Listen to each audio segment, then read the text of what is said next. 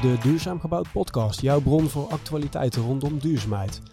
Vandaag gaan we het hebben over data en digitalisering en we hebben aan tafel onze experts. Simone Tabor van CFP, Stefan Teveluwe van Unica en Kees-Jan het mannetje van ABB. Wat vind je nou belangrijk? Waarom is data en digitalisering, wat kan het toevoegen? Ja, als je kijkt natuurlijk, uh, de term data is natuurlijk best wel een algemeen begrip. Uh, wat je daarin heel vaak ziet is dat het toch ook wel weer uh, informatie, dat het daar eigenlijk mee begint. We, verzamelen data, we verzamelen eigenlijk informatie en daar creëren we inzichten door. Uh, die zijn heel belangrijk om te gaan kijken van hoe is de gebruiker bezig? hoe, hoe, ja, hoe wordt een pand of een, een, woning gebruikt? Hè? Hoe ga je daar met die gebruikersdata mee om? Uh, maar aan de andere kant zien we natuurlijk ook van ja, eigenlijk wil je nog een stukje gaan toevoegen aan, uh, aan die data. Uh, de softwarebedrijven met hun platformen, met hun algoritmes, met een stukje kunstmatige intelligentie. En hoe ga ik eigenlijk aan die, die bak met, met big data ervoor zorgen dat je eigenlijk de, ja, de waardevolle informatie eruit haalt. En daar een stukje intelligentie aan toevoegt. Om dan ervoor te zorgen dat je er eigenlijk slimme dingen mee gaat doen. Interessant. Uh, ik ga even een rondvraagje doen. Waardevolle informatie. Wat is waardevolle informatie voor jullie? Ik begin even bij jou, Simone. Uh, nou ja, waardevolle informatie is sowieso natuurlijk het, het, het, verbruik. de verbruikscijfers van, van, de, van energie zijn voor ons hele waar, of is voor, voor de klant heel veel, hele waardevolle informatie. Um, en uh, uh, je had het over intelligente, uh, intelligentere conclusies die je kunt trekken. en, en dat is wat wij, wat wij veelvuldig gebruiken, waardoor we sneller inzicht en beter inzicht, inzicht kunnen geven op, over de positie van waar staat de klant nu met zijn met zijn uh, uh, vastgoed in het kader van verduurzaming. En waar kan je hem naartoe brengen als die die stappen zou maken, doordat je die data hebt en, en in de energietransitie sneller kunt helpen om tot een goede oplossing te komen.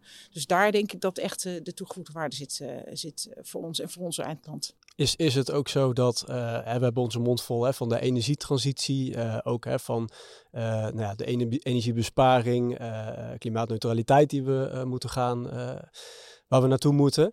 Uh, in hoeverre zit dat al in, in die mindset uh, verweven wat, je, wat jou betreft? Met betrekking tot de eindklant? Is het vooral energie wat de klok uh, slaat? Nou ja, zeker in, in, de, in de huidige uh, markt zie je het natuurlijk is nog versneld belangrijk gaan worden voor die klant. Gezien datgene wat er op het gebied van energie nu allemaal gebeurt en het gebied van prijzen allemaal gebeurt.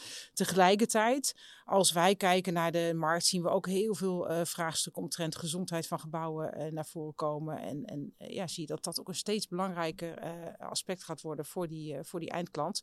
Uh, hoe kan ik ervoor zorgen dat uh, die, de gebruiker van het pand ook daadwerkelijk in een steeds gezonder uh, gebouw kan, kan zitten en kan bewonen. Stefan, hoe kijk jij daarnaar? belangrijke informatie. Ik hoor al energie, gezondheid. Nou, ik word er enthousiast van. hoe kijk jij daarnaar? Ja, nou, um, sowieso een heel interessant vraagstuk. Zeker als je het hebt over data en informatie. Um, en dat je dan nog vanuit verschillende invalshoeken, wie is je doelgroep? Hè? Dus voor wie is die data relevant en wat doe je met die data? Uh, en ik vind het al leuk dat we in de eerste vijf minuten volgens mij al drie of vier keer het woord eindgebruiker hebben benoemd. En dat triggerde mij ook in de uitnodiging dat je zegt, nou ja, data en digitalisatie, maar in de context van duurzaamheid. Um, ik heb zelf een achtergrond in de, in de IT. Uh, en ik heb drie jaar geleden een stap gemaakt naar, uh, nou ja, naar Unica, de, installatie, de installatiesector, zeg maar.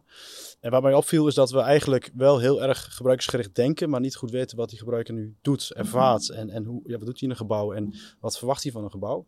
Dus als je ons vraagt, ja, hoe kijk je tegen data aan en informatie, ja, dan is het voor ons het primaire uitgangspunt. Wat, wat ziet die gebruiker, wat wil die gebruiker, welke rol speelt, speelt die gebruiker hierin?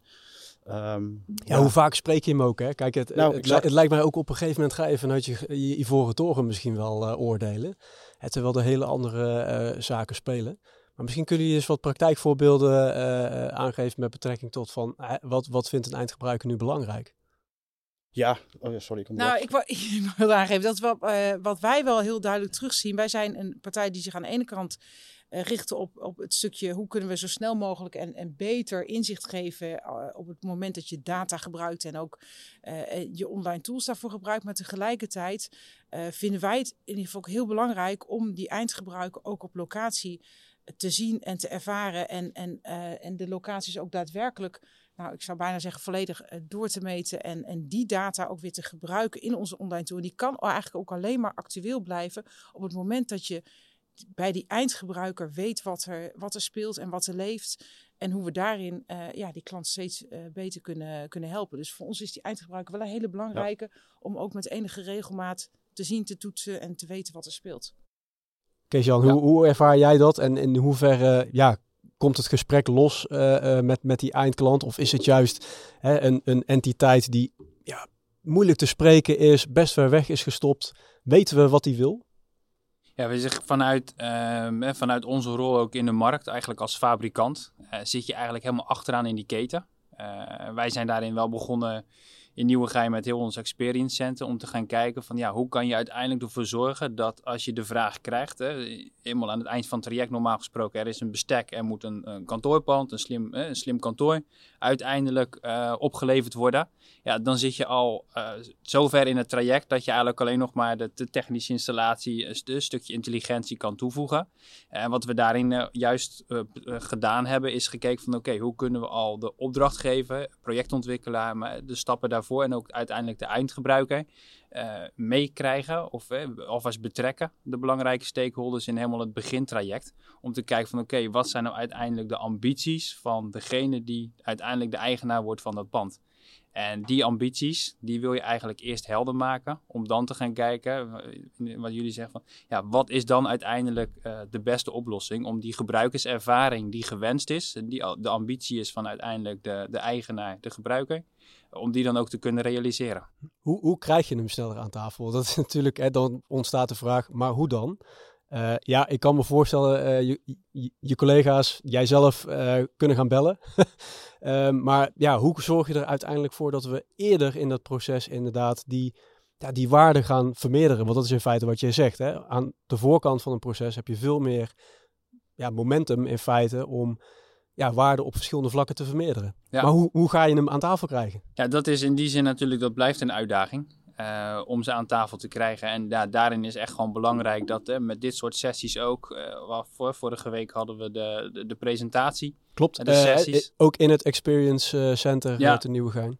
maar dan, ja, daar zie je dat je die bewustwording moet gaan creëren, een stukje enthousiasmeren. om uiteindelijk ja, te gaan laten zien wat de mogelijkheden zijn. Om ook die mensen bewust te maken dat die opties en die, uh, de mogelijkheden er zijn. En dan zie je toch wel dat op die momenten ja, uiteindelijk uh, het stukje bewustwording er ook gewoon komt. En dat ze dan ook veel sneller geneigd zijn om gewoon ja, mee te gaan in, in eigenlijk ja, de journey, de reis daar naartoe. Ja, die, ehm, als we het hebben over, over die reis. Um, ik ben wel even benieuwd, Simone, jij noemde net al uh, zeg maar de eerste stappen. Dus wat zijn nou eigenlijk de eerste stappen uh, die een gebouweigenaar eigenlijk doormaakt? In de zin van, eerst wil je denk ik inzicht verkrijgen in wat je hebt. Daar ondersteunen jullie onder, onder andere in. Klopt. hoe, hoe, ga je, ja, hoe ga je doorsnee te werk, zou ik eigenlijk willen zeggen, voordat je erachter komt misschien wel wat je ambities zijn. Of misschien bepaal je die ook wel gedurende dat inzichttraject. Ja, het zijn eigenlijk twee, twee kanten kun je daarin uh, in op. Uh, aan de ene kant uh, doen wij heel veel op het gebied van consultancyopdrachten, waarbij echt de consultant bij de klant aan tafel zit of in, in, in het kantoor aanwezig is. En met die klant het eerste inzicht verkrijgt van waar staat, hij, waar staat hij nu, welke stappen zou hij moeten nemen en hoe kan hij vervolgens aan de achterkant de partijen uh, aan tafel krijgen die hem kan helpen in het verduurzamingsproces. Nou, dat kunnen natuurlijk van allerlei partijen zijn. Dan bepaal je ook al ambitie of is dat pas uh, uh, op een We bepalen ook ambitie, ja. ja. zeker, zeker. We bepalen ambitie en bespreken ook door met de klant van ja, wat, wat hij wat graag zou willen. En voor de ene klant is het, is het heel belangrijk om juist in die energietransitie een, een belangrijke rol te pakken. Waarbij een ander zegt, ik wil veel meer kijken naar hoe kan ik bepaalde certificeringsronden doorgaan of hoe kan ik uh, zorgen dat ik een, een, een, mijn pand veel gezonder uh, ga, ga verkrijgen. Dus eigenlijk alle Is het ook wel iets heel praktisch als bezetting bijvoorbeeld? Ja, het klinkt heel ja, praktisch ingesteld, maar ik kan me ook wel voorstellen dat sommigen zeggen van nou, ik ben gewoon benieuwd hoe dat ik qua indeelbaarheid en qua flexibiliteit beter, beter inricht, de, de, de stromen. Zeker, zeker zijn dat, uh, zijn dat belangrijke, belangrijke vraagstukken. En eigenlijk is dat waarmee we beginnen, hè, met, met de klant door te spreken. Waar, wat, zijn, uh, wat zijn de vraagstukken die op dat moment al spelen? Sommige weten je al, andere zijn wat ligt wat onderbewust, maar kun je eruit uh, filteren met die klant. Uh, dat is het ene stuk. En het andere stuk waar, we, waar wij heel goed in zijn, is met name op het gebied van, omdat we zoveel kennis in huis hebben en, en uh, data hebben, kunnen we op basis van uh, eigenlijk het heel simpel aangeven van postcode huisnummer al zien van een, uh, van een pand waar, waar die nu staat en wat hij zou moeten doen om, om het pand te verduurzamen. En dat is eigenlijk heel over, hoog over een eerste inzicht verkrijgen, waarmee we de, de klant en, en ook hele portfolio's kunnen helpen om, om te verduurzamen. Welke data heb je dan nodig? Hè? Dat is dan ook een van de vervolgvragen. Stefan, als ik, eh, ik kan me voorstellen, Simone, jij kan hem ook beantwoorden, maar ik wil heel even naar Stefan, ben benieuwd dat hij erin staat. Um, nou ja, vanuit onze kant zeggen het belangrijkste is die eindgebruikersdata.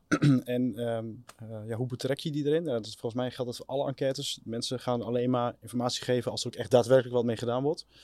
Um, dus wij beginnen altijd rondom die eindgebruiker. En ja, dat zijn echt de meest uiteenlopende vragen. Uh, vanuit Unica hebben we vooral invloed op klimaat. Hè, dus een comfortabele, veilige werkomgeving. maar als je om een comfortabele werkomgeving vraagt, moet je niet alleen vragen om hetgeen je zelf invloed op hebt. Hè. Dus een comfortabele werkomgeving gaat bijvoorbeeld ook over hoe is je wifi uh, hoe is de hygiëne? Ik noem maar een dwarsstraat. Uh, hoe, zijn collega's? Hoe is de sfeer bijvoorbeeld? Dus je, gaat je dat heel erg uit. Uh, en daar probeer je wel wat rode draden uit te extrapoleren. Afhankelijk van waar je op zoek bent. En ook de, ja, de ambitie, de, de doelstellingen die neergelegd zijn. hebben ze nu die gebruikservaring heel hoog in het, in het vaandel staan. Vinden ze dat heel belangrijk. Maar ook een stukje energietransitie. Ja, dan ga je echt daar op, op zoeken en, en, en ja, onderzoek op doen. Um, ja, dat kan heel uiteenlopende data zijn. bezettingsdata, aanwezigheidsdata, een stukje experience. Hoe beleven we het nu? Wat verwacht je van je, van je werkomgeving? Wat, uh, ja, wat verwacht je qua faciliteiten bijvoorbeeld? En heb je dan, uh, even heel plat gezegd, heb je dan een vragenlijstje wat je afloopt? Of komen jullie op de werkvloer? Gaan jullie dat zelf... En wat is jullie rol daar? Uh, ja, daarin? het grappige is dat vaak als het er om data gaat, wordt het automatisch geassocieerd met technische data. Hè? Dus data uit installaties en systemen, maar dat vertelt maar een deel van het verhaal. Dat is misschien ook wel de makkelijkste data uh, om, ja, om op te halen? Vaak als je naar een data gestuurd iets gaat, dan denk je vanuit technologie. We hebben temperatuur, data, luchtvochtigheid. Laten we daar eens wat mee gaan doen. Dus verschrikkelijk relevante, interessante data. Maar um, ja, wij leven nogal in de overtuiging dat als het 21 graden is en 60% luchtvochtigheid, dat het een comfortabele omgeving is. Nou, ik heb daar thuis nooit consensus over gehad. dat is heel dus ik met twee mensen heel in daar geen kantoor, maar in, in nee, de ruimte. Laat staan dat je dat uh, in de kantoor waar meerdere mensen zitten. Ja. Dus sommige zaken zijn natuurlijk heel subjectief. Dus ja, dat is best absoluut, lastig. Ja, absoluut. Ja, en, en, en dat wil je eigenlijk zo ja, uh, uh, detailistisch mogelijk meten, zonder dat je op allerlei andere vraagstukken terechtkomt, als, als privacy en dat soort zaken allemaal. Uh, maar wij gaan echt vragen. Dus we, we beginnen met oplossingen, zoals we de QR-code op het bureau plakken. Die is anoniem, maar wel locatiegebonden. Dus je kunt zien waar komt die feedback vandaan. En zo begin je met een ja, holistisch beeld te schetsen. Wat gebeurt er nu? Wat is de feedback die we krijgen? En op basis daarvan maak je toch wel een soort van plan hoe je dit de aankomende maanden en ja, toch minimaal een jaar gaat onderzoeken. En daaronder ligt de behoefte aan, joh, ze hebben uh, klachten over het klimaat, laten we het klimaat ook gaan meten. Of laten we de verlichting gaan meten, dat soort zaken. Want hoe lang uh, blijf, blijven jullie, blijf, uh, misschien ook wel Kees aan jou de vraag, hoe lang blijf je nu betrokken om, om die impact te maken die je in feite gezamenlijk bedenkt? Nou ja, wij zeggen eigenlijk is dat een onderdeel van onze dienstverlening. Dus je gaat niet meer sturen op een werk en installatie, maar eigenlijk op klimaat of op ja, gebruikerservaring. Dan blijf je dus langdurig ja, betrokken. Ja. Kees-Jan, hoe zit dat voor jou? Ja, wij zitten de, omdat we eigenlijk meer de hardware leveren en, en echt de technische installaties, zijn we er qua eindgebruik daarna minder direct bij betrokken. Uh, maar uiteindelijk zie je wel dat in het totale ecosysteem uh, de zaken as een service aanbieden, dat je dan uiteindelijk wel uh, samen optrekt met uiteindelijk de aanbieder van, in dit geval dan Unica, met het stukje software wat je daarin hebt en de, de diensten die je aanbiedt. Ja, daaronderliggend heb je natuurlijk als, ja, met je producten, met je technologie die eronder zit, ja, trek je wel samen op om daar uiteindelijk die, die klantbeleving bij te blijven maar as a service, ja, jullie blijven dan in de adviesrol hè, van zo zou je kunnen optimaliseren. Moet ik dat, uh, moet ik dat dan zo zien? Ja, dat komt of meestal... is dat meer uh, voor in dat geval Stefan weggelegd ja. en jullie...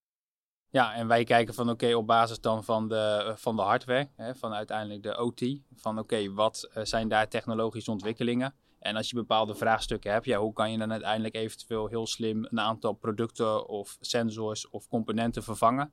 Uh, om uiteindelijk weer in te spelen op de nieuwe vragen die er zijn. Oké, okay, dus in dat geval is het uh, vanuit jullie ook wel een samenspel, uh, denk ik. Vanuit jullie drieën, denk ik. Ja, zeker. Want dat vind ik ook wel mooi om te zien. Wij zitten ook bij heel veel trajecten en, en klanten om tafel waar we het hele traject van energiemanagement, energie, energiemonitoring meenemen. En ook vaak juist andere partijen daarbij aanhaken die ons daar weer in kunnen uh, ondersteunen als je het hebt over een stuk data.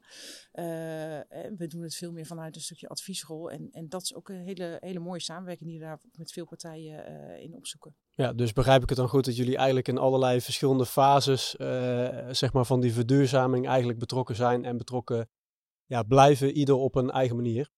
Ja, absoluut. absoluut. En je ja. ziet ook dat de, ja, de, vindt ook wel een ja, ik wil niet zeggen verschuiving, want dat klinkt heel negatief, maar een herverdeling van toegevoegde waarde in de keten plaatsen. Uh, uh, wij zitten steeds dichter bij die eindgebruiker, pakken daar ook een soort van integrerende rol tussen verschillende partijen. Um, willen en moeten ons dan ook minder druk maken over onderliggende technologie, ondanks dat we nog steeds een ja, techniekbedrijf in hart en nieren zijn. Maar de kwaliteit en de diensten die ABB bijvoorbeeld aan ons levert, zorgt er gewoon voor dat er ruimte komt in onze organisatie om ook die stap naar die eindgebruiker te maken. Waar we voorheen zelf met allerlei ja, additionele meetinstrumenten en sensoren bezig waren, we, vragen we dat nu steeds vaker van onze, ja, niet, niet toeleveranciers, maar partners, uh, ketenpartners in dit, om dat voor ons uh, ja, mee te nemen in de productlijn. sterker nog, het liefst willen we eigenlijk dat we die data gewoon kunnen pluggen op hun platform en dat wij daar onze dienst op leveren. Ja, dat zeg je mooi, hè? Dus projectpartners in plaats van hè, aan elkaar, uh, nou ja, leveranciers van elkaar. Um, als ik dan even kijk hè, naar de eindgebruiker, daar hebben we het nu een tijdje over, en dan kijk ik naar gedrag nou, we weten allemaal dat de dingen die we bedenken, die kunnen gemaakt of gebreekt worden door uh, gedrag uh, van gebruikers. We kennen allemaal de voorbeelden hè, van, de, uh, van de scholen hè, waar de installaties net iets te veel lawaai maken. Ze vervolgens worden uitgezet en vervolgens vragen de mensen zich af waarom het ook alweer zo ontzettend muf en, en, en het binnenklimaat zo ontzettend is verslechterd. Um, hoe belangrijk is, denken jullie, gedrag vanuit die eindgebruiker? En hoe kun je daar ja, zelf ook in begeleiden.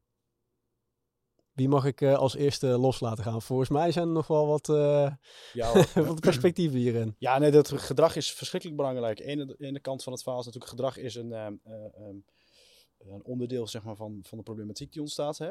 maar dat is ook weer een gebrek aan bewustwording. Aan de andere kant heeft het gedrag ook heel veel effect op hoe mensen een gebouw gebruiken of, of willen gebruiken. Dus Um, ja, het begint bij bewustwording. Ik heb de overtuiging, denk dat iedereen het wel deelt, dat mensen willen het graag goed doen. Die willen juist een, een fijne omgeving. Um, maar als je niet weet wat je moet doen of dat welke consequenties het heeft, dat je een raam open kunt doen of niet open kunt doen, ja, dan gaat dat gedrag nooit aansluiten op de meest ideale situatie. Dus we zijn ook heel erg bezig met het ja, visualiseren van, uh, van je CO2-footprint, van je energieconsumptie. Van wat heeft het effect nu als ik die airco aanzet of uitzet. Uh, zodat die gebruiker gewoon meegenomen kan worden in, het hele, ja, de hele energietransitie ja, dan zie je ook gewoon dat mensen dat leuk vinden. Ik hoor steeds meer mensen om mij die privé bezig zijn met verduurzamen. Andere auto's, de houtkachel eruit, de warmtepompen. Ja, dat, dat willen ze doortrekken ook naar hun, naar hun werk. Alle, alle impact die ze kunnen hebben, ja, dat, dat willen ze graag. Uh, Visualiseren is denk ik wel een uh, ja, belangrijk. Tenminste, hij valt mij heel erg op. Ja, want daar is denk ik ook wel weer dat inzicht juist die hele belangrijke in. En wat je zegt, op het moment dat je het inzicht uh, geeft, verandert ook al een stuk gedrag. En niet altijd, maar het is, het is wel, het, het versterkt elkaar in ieder geval. En wat ik ook wel sterk zie op het uh, gebied van gedrag en uh, bewustwording, wat echt wel een hele andere is dan een paar jaar geleden, is dat je het, het wordt veel eerder in de keten omarmd. Eerder was het, het vaak verduurzamen, was het sluitstuk van, een, uh, van de eindgebruiker. Nu zie je dat het eigenlijk begint met verduurzamen. En daarna wordt gekeken welke facetten kan ik dan zoeken die daarbij aanhaken. Dus de, de gedachte daaromtrent is echt een hele andere geworden de afgelopen jaren. Ik denk een hele goede, goede tendens. Um, en, en daar is het wel weer continu zoeken van, ja, hoe, hoe kun je daar dan het, het, het best passende antwoord voor de klant bij, uh, bij zoeken. Zie je dat ook terug in de gesprekken die jullie met klanten hebben? Dat echt de, de, de gebruiker toch sneller centraal staat in, uh, in de ambities ook? Ja, zeker. Ja, het zie je heel sterk terug. Deels te maken met een stukje wetgeving, wat natuurlijk, oh ja, uh, wat, wat echt, echt zorgt dat de bewustwording anders is. Mensen moeten wel, hè? eindgebruikers moeten. Dus dat, uh, dat draagt daar zeker toe bij. Uh, maar ook uiteindelijk de, de, business case die je samen met de klant opstelt en het financiële plaatje wat er uiteindelijk resulteert. en dat is natuurlijk de afgelopen periode ook echt bewust anders geworden voor, voor eindgebruikers, voor organisaties. Dus daarin merk je ook wel dat ja, die, uiteindelijk uh, ja, dat dat dus uh, sterk verandert. Ja, ja. mooi wel. Ja, wat je ook aangaf in het begin van als je die toegevoegde waarde uh, voor die eindgebruiker, wie het dan ook is, de gebouweigenaar of de medewerkers in een kantoorpand, als die toegevoegde waarde helder is, dat ze weten waardoor ze bepaalde dingen doen, waar dat uiteindelijk naartoe leidt, ja, dan ga je uiteindelijk die buy-in ga je ook op een gegeven Ja. moment krijgen van die mensen. Als het maar inderdaad helder is van, oké, als ik iets doe, waarvoor doe ik het? Wat is de toegevoegde waarde die ik daarin kan leveren in dat hele traject? Ja, als die gewoon maar helder genoeg is. Ja, en wat je denk ik ook steeds meer gaat zien is dat de war on talent, maar even een mooie eh, Nederlandse term erin te gooien, speelt natuurlijk ook mee. Ik denk dat heel veel nieuwe professionals bewust kiezen voor een werkgever die echt mee bezig is. En waar zij ook zelf invloed kunnen hebben op de duurzaamheidsstrategie, maar ook de impact daarvan. Zeker. En als je op het moment dat je dat niet transparant kunt, ja, inzichtelijk kan maken, dan kiest die persoon waarschijnlijk gewoon voor een andere werkgever. Ja. Nou, die tendens is sterk. Je ziet het ook eh, bij, bij de grote vastgoedbeleggers dat, eh, dat de markt daar ook echt, eh, ja, echt wat anders in, in vraagt. Eh, maar ook steeds meer, eh, meer huurders die, eh, die andere eisen stellen aan, eh, aan, aan, eh, aan, aan, aan het pand en aan de. eh, ehm, nou, aan, ja. Ja, en, en, Verhuurder. ja. ja. Maar hoe, hoe is die dynamiek eigenlijk? Huurder, verhuurder, dat het alles geschetst dat dat altijd een beetje, die staan tegenover elkaar? Met, met een split incentive. Hè? Ja, dus de, de, de ene heeft een belang en de andere heeft een belang. En dat, ja, hoe dat matcht, nou ja, eh, soms niet. Misschien meestal wel niet, als ik het zo mag uitdrukken. Eh, eh, zeker is dat, eh, is dat het geval en dat dat best, best lastig kan zijn. Je ziet ze wel steeds meer naar elkaar toe trekken, omdat ja, het is en wet en regelgeving inderdaad wat natuurlijk Ja. een rol speelt. En ja, als de, de, de verhuurbaarheid van een pand groter wordt op het moment dat je voldoet aan bepaalde vereisten, ja, dan zie je dus dat, dat de, markt, de markt daarin verandert. Laat staan de, de- een bepaalde prijsontwikkeling van vastgoed, wat natuurlijk een rol speelt. Daar zit natuurlijk ook alweer een, eh, voor een deel, hè, dat, eh, hoe eh, waardeer je duurzaamheid en hoe waardeer je gezondheid. Dus op Ja. het moment dat het anders getaxeerd wordt, dan ja, zal er ook een andere ja, incentive, misschien wordt dan de incentive voor de verhuurder ook anders. Als je, Nou ja, als je kijkt naar label C, eh, je kan je pand straks gewoon niet meer verhuren. Dus eh, de stappen om uiteindelijk die verduurzaming te doen, die, wat je zegt met wet en regelgeving, wordt dat op een gegeven moment gewoon toch wel eh, steeds meer en meer opgedrongen. Klopt. Eh, dus ja, daarin zullen mensen ook gewoon wel stappen moeten maken. Maar dat is wel wat ik zo interessant vind ook eh, aan wat jullie doen, eh, Simone, is dat nou, je krijgt wel het inzicht dat er meer mogelijk is dan energielabel C. Eh, hè, dus op het moment dat je inzicht krijgt in wat je hebt en eh, de stappen die je kunt gaan zetten, ja, dan wordt het misschien ook duidelijk dat het helemaal niet slim is om eh, te blijven bij een, eh, ja, als je dan toch gaat renoveren, doe het dan meteen goed.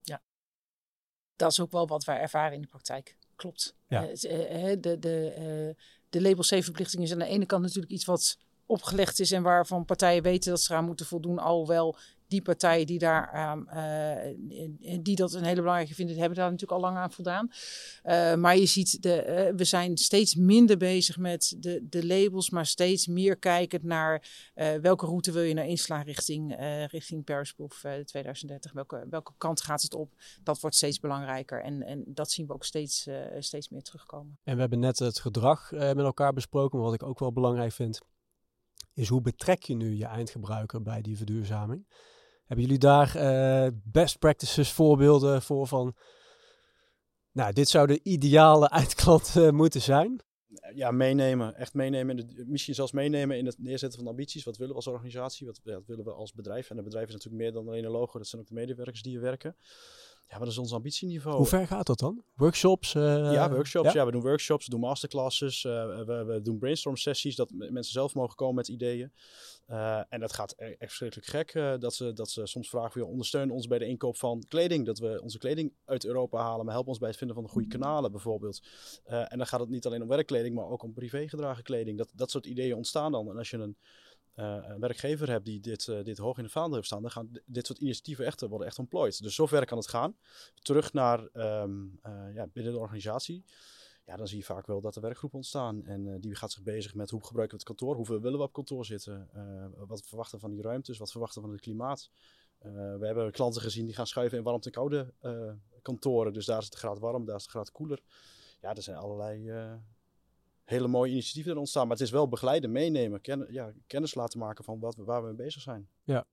Is dat vooral het, het technische vlak? Hè? Want ik, ik zit ook te denken van, je noemt een aantal elementen eh, die ik nou ja, even eh, voor het gemak misschien wel onder techniek eh, ook kan scharen. Maar ik kan me ook voorstellen, die zachte kant is natuurlijk ook heel belangrijk. Nee, juist dat. juist eigenlijk geen techniek. Het mooie vond ik met die ehm, eh, eh, ventilatiediscussie rondom Mhm. corona. Ja, Ehm, CO2-sensoren zijn er al jaren en dag. Maar de burger zegt niks hoeveel ppm het hoort te zijn. Dus overal stond zoveel ppm. Ja, en toen zag je heel snel dat die sensoren kwamen uh, goed, matig of slecht. Ja, en dan begint het te leven. Dus die discussie moet zo snel mogelijk weg van techniek, uh, meer op ambitieniveau. En ja, techniek is onderliggend, net als, net als de data. Dus het inzichtelijk maken van uh, energie doen we ook niet in kilowattuur bijvoorbeeld, maar het equivalent van zoveel autoritjes of in het geval van de fashion-industrie waar we zitten, dat zijn het equivalent van 1500 t-shirts productie. Ja, dat leeft bij die mensen, dat snappen ze en dan vinden ze het ook leuk. En dan ontstaat er ook een soort gamification, dat ze proberen daar ook zoveel mogelijk aan bij te dragen. Uh, maar dat is wel het ideaalbeeld. En dat is nu een kleine set klanten die dit, die dit vraagt. Maar dit, ja, dit groeit, dit, dit, dit dijt behoorlijk rap uit, moet ik zeggen, op dit moment. Gaaf, dus de manier waarop je eigenlijk visualiseert is ook nog heel ja, erg belangrijk. Ja, ja. Uh, hè, want we kennen uh, allemaal wel de voorbeelden hè, van de, de BREEAM-certificaten die zijn uitgestald en de hè, hoeveelheid CO2 die op dat moment uh, wordt gereduceerd en de hoeveelheid opbrengst van de zonnepanelen. Maar je zegt in feite ook om het misschien wel sexy te maken, ook uh, hè, data en digitalisering, dat de manier waarop je het eigenlijk naar voren brengt net zo belangrijk is. Ja. Ja, ja, bij, bij een grote autodealer doen we het op een scherm. Het aantal kilometers wat een, in dit geval een BMW i3 volgens mij in mijn hoofd, af kan leggen die dag. Dus vandaag is het equivalent van de 1500 kilometer iX3 opgewekt hier met de zonnepanelen. Ja, dan, dan gaat het spreken. En, en ook op de doelgroep. Die doelgroep is zijn geïnteresseerd. Nou, wat ik net zei, in de fashion industrie doen we het in het, uh, in het volume van een aantal t-shirts. Waterbesparing ook. Dus je probeert wel uh, uh, ja, match en match, te maken. Ja. Als je het hebt over... Um, volgens mij vorige week, uh, Kees-Jan, heb je gesproken over hoe data en digitalisering onder andere ook een bijdrage kan leveren aan de, aan de business case. Um, als jij uh, kijkt naar de goede voorbeelden daarvan in de praktijkcasussen uh, waar jullie ook vanuit ABB bij zijn betrokken, wat, wat valt je positief op? Of waar zou je van zeggen van nou, deze richting uh, zouden we op moeten? Ja, als je kijkt, we hebben daar ook uh, inderdaad tijdens de sessie een, uh, een voorbeeld, een use case laten zien van Verwij Elektrotechniek in, in Nieuwegein. Die gewoon echt een, een, van, van nul af aan eigenlijk een totaal nieuw kantoorpand uh, hebben ontwikkeld. waarbij je aan de ene kant inderdaad een stuk techniek hebt om te kijken van oké, hoe kunnen we ervoor zorgen dat onze elektrotechnische, onze W-installatie, hoe kunnen we die zo slim mogelijk maken. maar daarna is ook gekeken van oké, hoe kunnen we ervoor zorgen dat het pand zo ingericht wordt met alle zaken die eromheen spelen, dat uiteindelijk die, die medewerker daar ook het beste uh, ja, een stukje comfort hebt. En bijvoorbeeld echt gewoon de kleuren van de verlichting worden daar gewoon aangepast. Ik wilde net vragen, waar wordt dan op gemeten ja. onder andere? Maar, ja. En bijvoorbeeld de kleuren van de verlichting wordt gewoon echt aangepast op basis van het daglicht.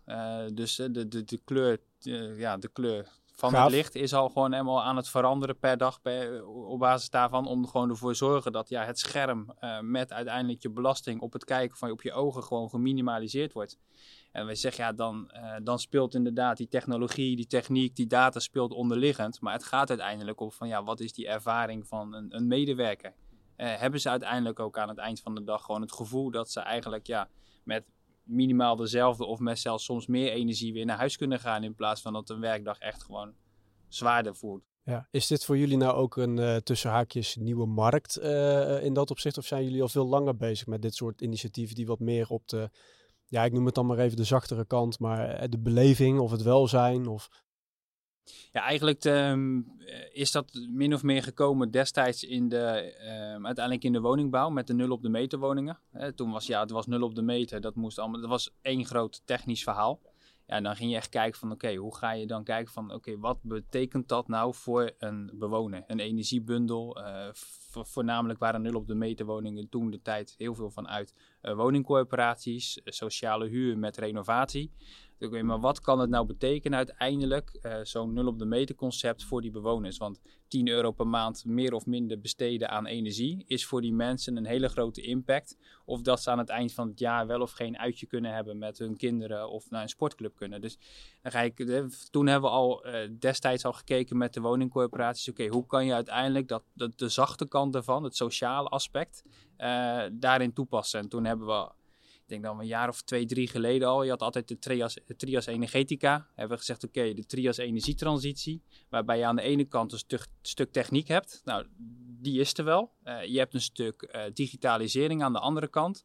Die gaat ervoor zorgen dat je inderdaad inzichten kan gaan creëren. Uh, eventueel zelfs nog de techniek kan verbeteren. Maar het belangrijkste aspect is uiteindelijk die sociale innovatie. Van nou, waar doen we het uiteindelijk voor? Wie kunnen we ermee helpen? Met welke proposities?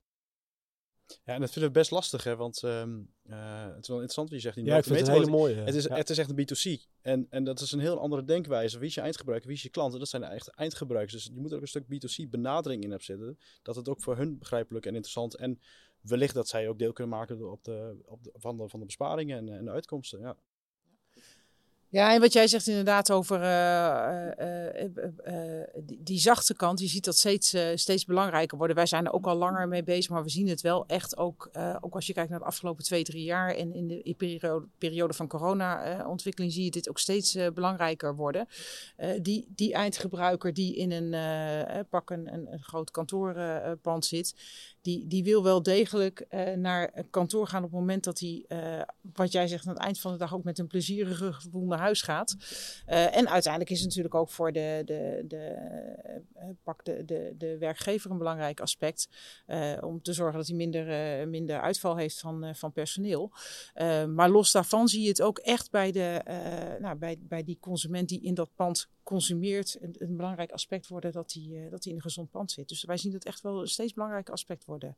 Ja, ik denk zelfs dat corona, dat, daar, dat de coronaperiode daar nog een, dat het voor werkgevers alleen maar lastiger is geworden. Want eh, mensen hebben twee jaar lang eigenlijk thuis gewerkt. Dus uh, de nieuwe norm dat mijn werkplek, die thuis is, met al het comfort en mm -hmm. de goede koffie en Daar kan het ik klimaat wat je allemaal hebt. Ja, ja, ja, Dat, dat is gewoon een nieuwe standaard geworden. Van ja, als ik naar kantoor ga, moet mijn werkplek minimaal gelijk zijn als thuis. Maar dat is inderdaad eigenlijk wat ik, wat ik ook bedoel uh, te zeggen. Ja, ja, klopt. Het is steeds, een steeds belangrijk aspect geworden. Ja. Maar je ziet hem ook andersom, hè? Dat je denkt dat sommige mensen toch op het werk toch een bepaalde eisen aan hun werkplek hebben. En dan kom je thuis en denk je, nou, dat je hier ook prima kunt werken twee jaar, dat is ook wel een bijzondere kentering geweest. Ja.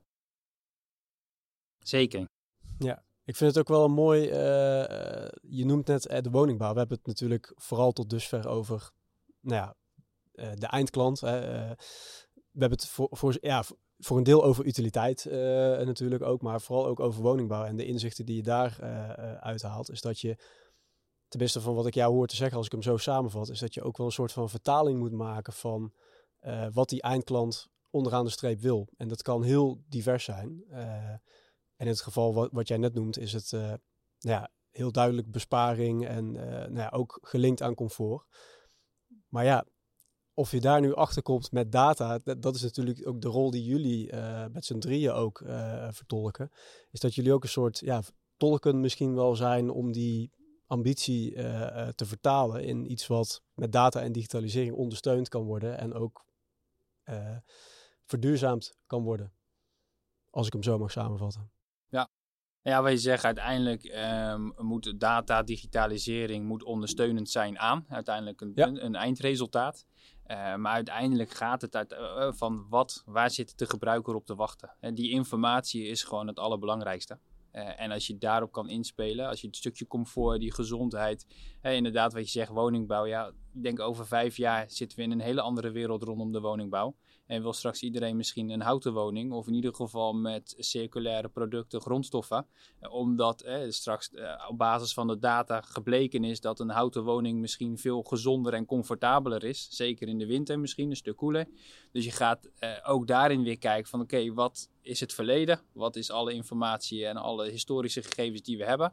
Wat gaan uh, de nieuwe bouwmethodes, de nieuwe grondstoffen uiteindelijk weer ja, voor impact hebben. En op basis daarvan zullen weer nieuwe standaarden gezet gaan worden. Ja, nou ja de, daar zijn jullie goed in aan tafel. Maar wat mij bijvoorbeeld vanuit de eigen woning opvalt, is dat alle verschillende systemen staan op zichzelf. Maar de informatie die ik uit ieder systeem put, uh, daar is niet één platform voor dat al die informatie bundelt en waar ik uiteindelijk een conclusie of een vervolgactie aan kan koppelen. Uh, dus mijn zonnepanelen die, die leveren, uh, die wekken energie op, maar dat staat op zichzelf. En de zonneschermen die gaan niet afhankelijk van de bijvoorbeeld weersinformatie, kunnen ze nog niet af, onafhankelijk eigenlijk de, de keuze maken om, uh, om zelf te sluiten.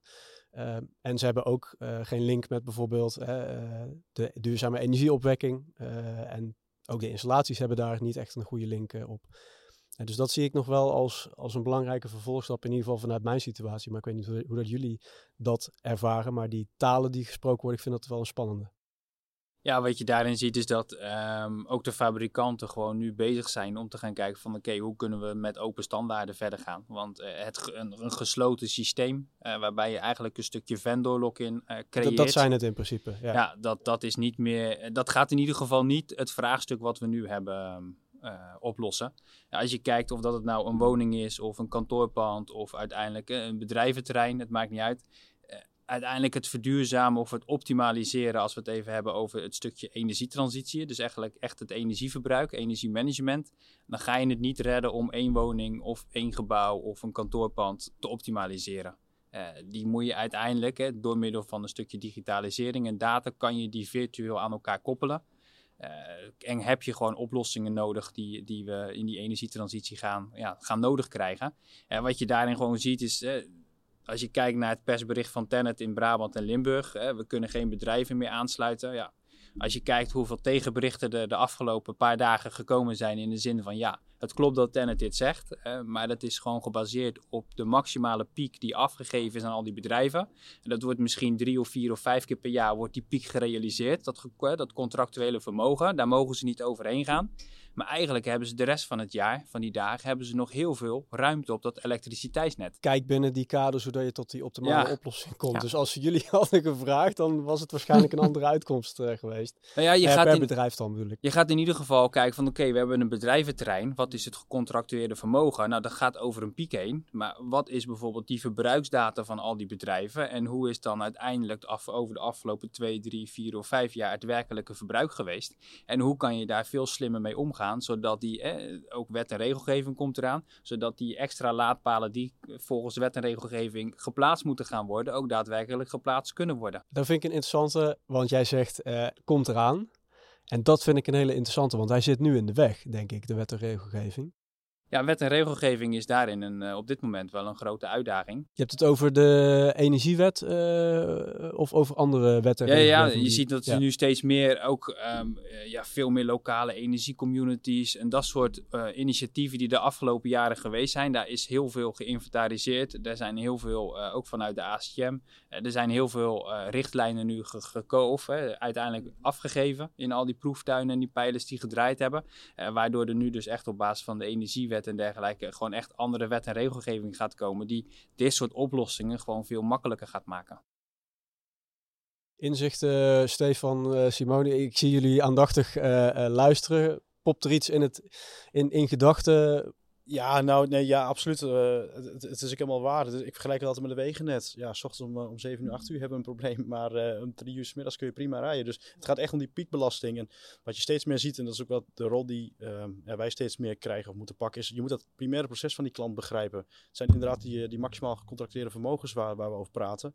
Um, als je het proces van de klant snapt, bijvoorbeeld ze hebben grote stoomketels of een heel zware energieonderdeel in hun productieproces zetten, die kun je prima afschalen of niet gelijktijdig draaien of zelfs misschien met de buurman afstemmen. Ik heb me van 3 tot 4, jij van 5 tot 6.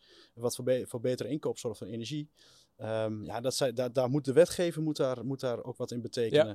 Ik heb gehoord dat het nu nog complex is. Ja, als je een energieoverschot hebt en de buurman heeft energieonderschot, of tekort dus, mag je dat niet met elkaar verhandelen. Dat mag niet. Dat is, op, is eigenlijk nog wel kritisch. Hè? Dat moeten we eigenlijk oplossen. Want... Ja. Ja, en daarom moet je die processen gewoon goed kennen. Dat is de eerste stap. En ja, data en digitalisatie, het thema van vandaag, het thema van vandaag, het geeft je gewoon een heel goed beeld, een heel fijnmazig beeld wat gebeurt er bij die, bij die organisatie. Maar daarnaast is het ook heel goed te kneden. Wil je iets aanpassen, kan dat heel goed, maar daarvoor moet het wel op elkaar afgestemd worden. Ik wil eigenlijk toe naar uh, de, de, voor mij, voor jullie de laatste vraag. En dat is eigenlijk ja, de do's. Uh, dus wa, waar zou je, wat zou jullie advies zijn uh, om te starten uh, met data en digitalisering. En laten we waarschijnlijk uh, luisteren een heleboel uh, eindgebruikers ook die nou ja, meer, dan, meer dan gemiddeld enthousiast zijn om met verduurzaming te starten, misschien niet weten hoe. Um, hoe, kan hoe kan data en digitalisering daar, daar invulling aan geven? Daar hebben we het vandaag over gehad. Maar wat zou jullie doel zijn? Mag, mag ook heel kort, hè? dus als je zegt van nou, het gaat bij, met de eerste stap om dit dan is dat het ook. Maar ik ben, ik ben benieuwd. Ja, ik denk dat je vooral moet gaan kijken van welke waarde wil je als bedrijf toevoegen. Hè? Welk organisatiemodel uh, slash businessmodel wil ik uiteindelijk gaan nastreven. Eh, en op basis daarvan gaan kijken pas van oké, welke technologieën gaan mij daar straks bij helpen. In plaats van dat je nu te veel gaat focussen op welke technieken, technologieën zijn er. Uh, iedereen weet, we moeten in een, uh, naar een digitale transformatie. maar pas op dat bestaande processen digitaliseren is niet voldoende om nog relevant te blijven in de toekomst. Eh, zo is, is in mijn ogen. Uh, dus ja, het gaat echt ook, die cultuur binnen een bedrijf moet gewoon aangepast worden. En daar moet je echt gaan kijken van ja, wat past er als organisatie uh, cultuur bij of model ook bij. zodat ik ga kijken, oké, welke ambitie wil ik dan uiteindelijk neer gaan zetten. En daar wordt dan, hoort daar uiteindelijk een businessmodel bij. En vanuit daarin pas kijken van oké, wat zijn dan de technologieën die ik nodig ga krijgen, die mij gaan helpen om uiteindelijk dat, ja, dat eindplaatje neer te kunnen zetten. Vind ik een hele mooie. Wie heeft wat jou betreft de, de rol, of misschien zijn het wel meerdere partijen, om aan het begin van het proces in feite die ambitie in kaart te, te brengen? Ja, dan om moet dat je, goed te vertalen. Dan moet je natuurlijk zelf als bedrijf zijnde in je strategie mee, uh, mee aan de slag gaan. Hè? En, en, vraag desnoods expertise in van bedrijven. Er zijn consultants genoeg, denk ik, die op basis van digitale strategieën daarin kunnen helpen en kunnen adviseren. Ja, en wat we denk ik ook gewoon nodig hebben is uh, ja, de uitdagingen waar we ook vandaag de dag in zitten. Ondanks dat de situaties gewoon uh, niet fijn zijn. Een, een, oorlog in de Oekraïne helpt wel gewoon die bewustwording en mensen innovatief te laten zijn om uiteindelijk toch tot die oplossingen te komen. Af en toe is er gewoon een bepaalde urgentie en een bepaalde noodzaak nodig. Je noemde het net ook al met betrekking tot de congestie ja, natuurlijk. Om uiteindelijk gewoon ervoor te zorgen dat we die, uh, die stap gaan maken. En ja, dan krijg je vanzelf uh, digitale innovators die uh, vanzelf al op basis van data met nieuwe businessmodellen komen. Ala de, de Netflix en de Ubers en dat soort type bedrijven. Ja, die gaan straks ook gewoon in deze markt oppoppen. Ja, het bericht van Tenet was natuurlijk niet fijn om te horen. Maar aan de andere kant brengt het wel een heleboel discussie uh, los. En kunnen we dus het meer gaan hebben over hoe we binnen die kaders dus wel uh, de dingen gaan realiseren. Ja, klopt. Je ziet die urgentie enorm, uh, enorm toenemen in de, in de huidige markt. En dat zien wij ook heel duidelijk. En we zeggen beginnen inderdaad met, met een goede business case. Kijk waar je staat. Kijk wat je wil doen om, om, om dat te realiseren. En ik ja, ben met je eens, gedrag is daar ook een hele belangrijke, belangrijke factor in. Um, maar de, de, wereld om ons heen maakt wel dat het, uh, de, ja, de urgentie steeds, uh, steeds groter wordt. En uh, ja, dat is aan de ene kant misschien niet fijn. Aan de andere kant is het ook wel weer plezierig. omdat je niet eerst de discussie over het, het waarom hoeft aan te gaan. Ja. Maar, ja. ja, dat moet gewoon het fundament zijn, dat dat duidelijk is. En vervolgens kunnen we er gezamenlijk, hè, want dat, dat is ook wel een van de uitkomsten van vandaag, projectpartners, hè, gezamenlijk aan gaan werken. Ja. Mooie doel. Um, Stefan, we bij jou. Ja, uh, um, kijk vooral naar. Het is natuurlijk een complex en, en, en, een groot vraagstuk, de hele energietransitie um, en verduurzaming. Um, maar kijk vooral naar mogelijkheden en niet te veel naar onmogelijkheden. Kijk, kijk wat wel mogelijk is. Kijk naar bijvoorbeeld naar welke data je al wel hebt en wat je daar uh, aan inzichten kunt genereren om volgende stappen te maken. Ja, volgens mij iedereen aan tafel is het daar mee eens. Maar betrek die eindgebruiker, betrek gewoon je mensen erbij. Welke ideeën ontstaan daar? En kijk dan ja, nogmaals naar de mogelijkheden. Want ja, er zijn heel veel redenen om dingen niet te doen. Um, maar er zijn ook heel veel redenen om kleine stapjes te maken om vooruit te gaan. En begin vooral daar. En dan begint er vanzelf een momentum te ontstaan en gaat het leven. Ik denk dat dat uh, een hele mooie is. Hè. Daar focussen we ons ook uh, op vanuit Duurzaam Gebouwd en ook vanuit jullie organisaties. Dank jullie wel dat jullie vandaag uh, hier nou, de trip naar Zwolle, naar onze studio hebben gemaakt. Fijn om jullie hier aanwezig te hebben en in gesprek te zijn. fijn en graag tot de volgende keer. Dank jullie wel. Dankjewel voor het luisteren. We zijn alweer aan het einde gekomen van de Duurzaam Gebouwd podcast. Je kunt ons vinden op Spotify, op Apple Podcasts en op Soundcloud. En vergeet je niet te abonneren. Mocht je nu een uh, bepaald onderwerp uh, belangrijk vinden en uh, door ons laten bespreken, dan kun je ons even een berichtje sturen. Doe dat bijvoorbeeld op LinkedIn, Duurzaam Gebouwd. Graag tot de volgende keer.